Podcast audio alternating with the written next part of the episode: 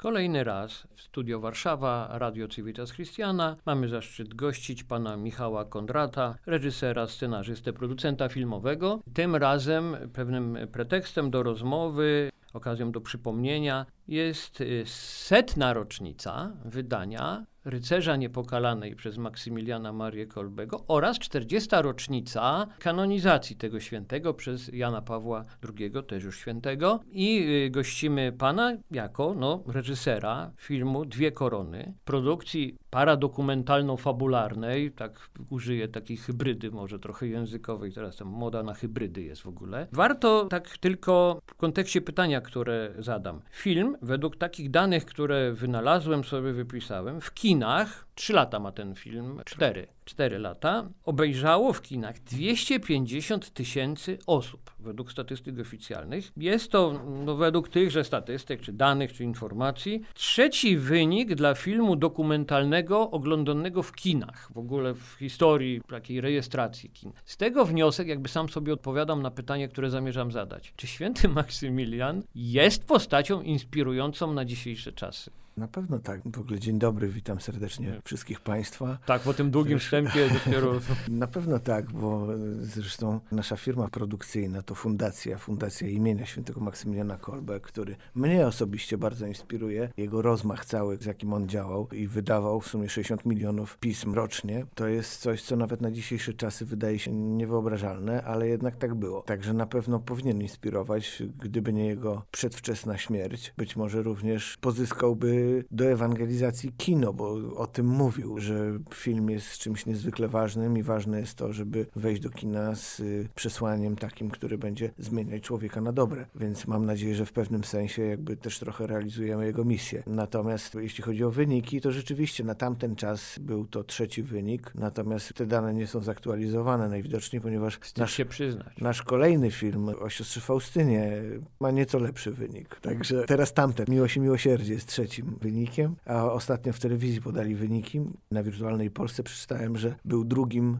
polskim filmem pod względem oglądalności we wszystkich y, telewizjach w roku 2021, więc gdzieś tam się cieszymy z tego, że te filmy są chętnie oglądane, ale wróćmy do Pomijając właśnie, pomijając no, to, że Faustyna, to tak z drugiej strony się nie, nie dziwimy, skoro dzienniczek siostry Faustyny jest drugą po Biblii książką świata w tej chwili, więc jakby normalne. Natomiast no, Maksymilian miał w naszych takiej pamięci zbiorowej, już nie mówię w kulcie, bo to jest jakby troszeczkę coś jeszcze więcej, takie swoje pięć minut. Była pewna moda na przypomnienie świętego Maksymiliana ileś lat temu, chociaż dzisiaj, no, jeżeli się przyjeżdża pociągiem na linii Wrocław-Warszawa, robię często tę trasę, no to na przykład widzę, że w Zduńskiej Woli pamiętają o Maksymilianie, bo na budynku dworca pisze witamy w mieście narodzenia i chrztu świętego Maksymiliana, więc ta pamięć jest, w innych miejscach jest, jest Związek Gmin Świętego Maksymiliana, czyli tych miejscowości, z którymi był związany. No i mamy dwie korony, czyli jaką taką filmową opowieść, gdzie mamy portret taki duchowy wyrysowany. Święty Maksymilian na swoje czasy to był, pan przed chwilą to wspomniał, bardzo nowoczesny, żywotny dziennikarz, tak? 60 milionów. Mamy rycerza niepokalanej, który obchodzi 100 lat. Był mały dziennik, było rad, no, próby radia, więc był postacią nietuzinkową i właśnie, czy w tym portrecie duchowym jakby ta postać, może spróbujmy opowiedzieć o tym filmie, zachęcić do, do tego filmu, czy z tego portretu duchowego tę postać wyłonimy, oglądając ten film? No tam wydaje mi się, że nawet więcej można e, znaleźć, między innymi Mówię z pozycji cały, osoby, który oglądał ten film. Ca, cały nawet wątek... z reżyserem, bo to było we Wrocławiu na festiwalu. A, no tak. Ale cały wątek japoński przecież to jest y, też niezwykłe, że... Idźcie głoście e, po krańcach świata, tak? Pojechał bez pieniędzy, nie znając nikogo, wybudował klasztor w bardzo krótkim czasie, zaczął wydawać rycerza niepokalanej w języku japońskim, więc jakby to jest niezwykłe. Myślę, że te rzeczy szczególnie, tak jak rozmawiałem z ludźmi, którzy oglądali film, to było głównie dla nich dużym zaskoczeniem. Nie znali tej działalności Maksymiliana w Japonii, zwłaszcza dla mnie było też zaskoczeniem, kiedy dowiedziałem się od zakonnika, który przeżył wybuch bomby atomowej, co niezwykłe, klasztor przetrwał w miejscu, gdzie wybuchła Tak, bomba atomowa. fenomen taki jest. E, Taki Niezwykłe, niezwykłe jest też to wizjonerstwo Maksymiliana, który przewidział to i w momencie, kiedy proponowano mu miejsce na wybudowanie klasztoru, gdzie no, było takie większe skupisko chrześcijan, to on powiedział, że nie, że w tym miejscu uderzy ognista kula i dokładnie w tym miejscu uderzyła bomba atomowa. I wybrał miejsce, które mu odradzano jako miejsce przeklęte. On się pytał, dlaczego to jest miejsce przeklęte? Ponieważ tutaj mordowali pierwszych chrześcijan. I on mówi, to znaczy, że tutaj jest fundament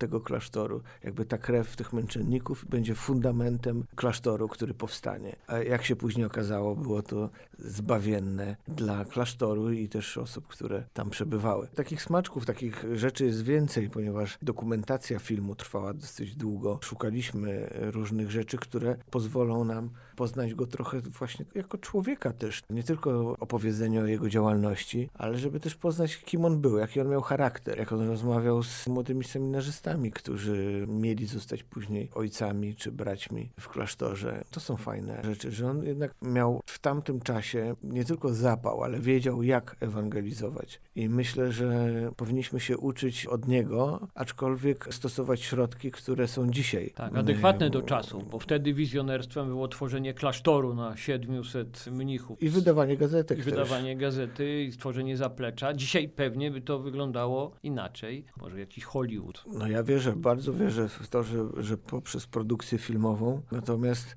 wszyscy są przywiązani oczywiście do Hollywood jako wyznacznika tam najbardziej takich wysokobudżetowych filmów robionych z rozmachem. Natomiast ja uważam, że nie trzeba jechać do Hollywood, żeby zrobić tego typu filmy. Można pokusić się o to, żeby zrobić Hollywood w innym miejscu, na przykład w Polsce. I wierzę, że być może tak się stanie, jeżeli zakaszemy rękawy i będziemy po prostu ciężko pracować. Tak, mówiąc Hollywood, to właśnie miałem na myśli to wizjonerskie działanie. Kiedy Maksymilian, tu muszę odesłać do studia Wrocław naszej rozmowy o Maksymilianie Kolbem, kiedy zakładał mały dziennik, to nie tworzył pisma ambitnego, tylko pismo tabloidowe dla wszystkich, czyli upowszechnić kulturę Oczywiście. w postaci przyswajalnej. Oczywiście. Dlatego stąd ja się cieszę naszymi wynikami w mainstreamowych przecież przestrzeniach. Zajmować przestrzenie, które sami wychodzimy z tych, bo jest takie niebezpieczeństwo getteizacji katolickiej kultury, prawda? Nie, no bo to wtedy już nie jest ewangelizacja, to jest bardziej tworzyć jakieś towarzystwo wzajemnej adoracji, a my musimy wychodzić do świata, więc forma musi być przystępna, musi być, to musi być przystępne do oglądania, do, do słuchania i ja mam zamiar właśnie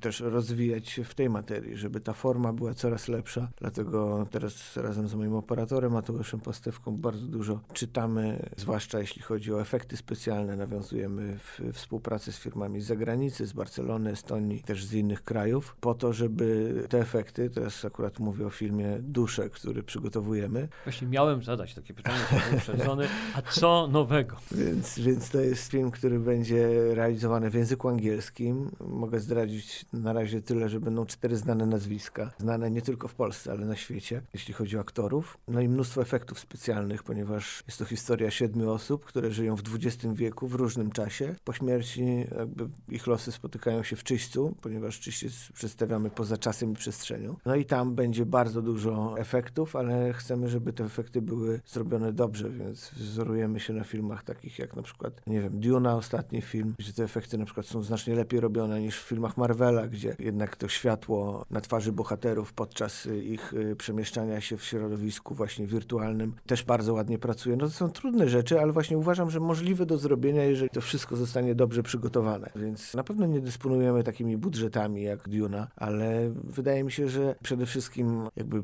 najwięcej można osiągnąć, jeżeli znajdzie się dobrą technologię i dobre przygotowanie do realizacji tego typu rzeczy, a to, co jest najważniejsze, to efekt finalny. Efekt finalny, czyli to ma być zrobione tak, żeby widzowi się to podobało, żeby nie wyczuł fałszu, tandety, którą często można spotkać, w, jeśli chodzi o realizację w ogóle w studiach greenboxowych, które gdzieś tam odbijają światło nienaturalne. Czyli wracając do Maksymiliana, no, trzeba mieć pomysł, trzeba mieć wizję, a potem pewną żelazną konsekwencją po prostu dążyć Determinację do, taką. do realizacji tej wizji i to też jest w jakiś sposób inspirujące. Zresztą w samej nazwie fundacji jakby jest to odwołanie do Maksymiliana. Tak, E, bo Maksymilian właśnie mnie zainspirował. Jego życiorys jest tak niezwykły, że właśnie pierwszy film realizowany przez fundację filmową bo wcześniej to było w ramach Kondrat Media, poprzednie filmy, natomiast pierwszy film, który powstał przez Fundację Filmową imienia świętego Maksymiliana Kolbe, to był film właśnie Dwie Korony o Maksymilianie Kolbe. I z tym cóż, z tym Państwa może pozostawimy, zachęcając, bo film jest w dystrybucji, chyba empikowej, nie będziemy reklamować. Ja Też mogę... na VOD jest szeroko dostępny. Jest do... tak, jest Dzisiaj dostępny. na platformach dużo,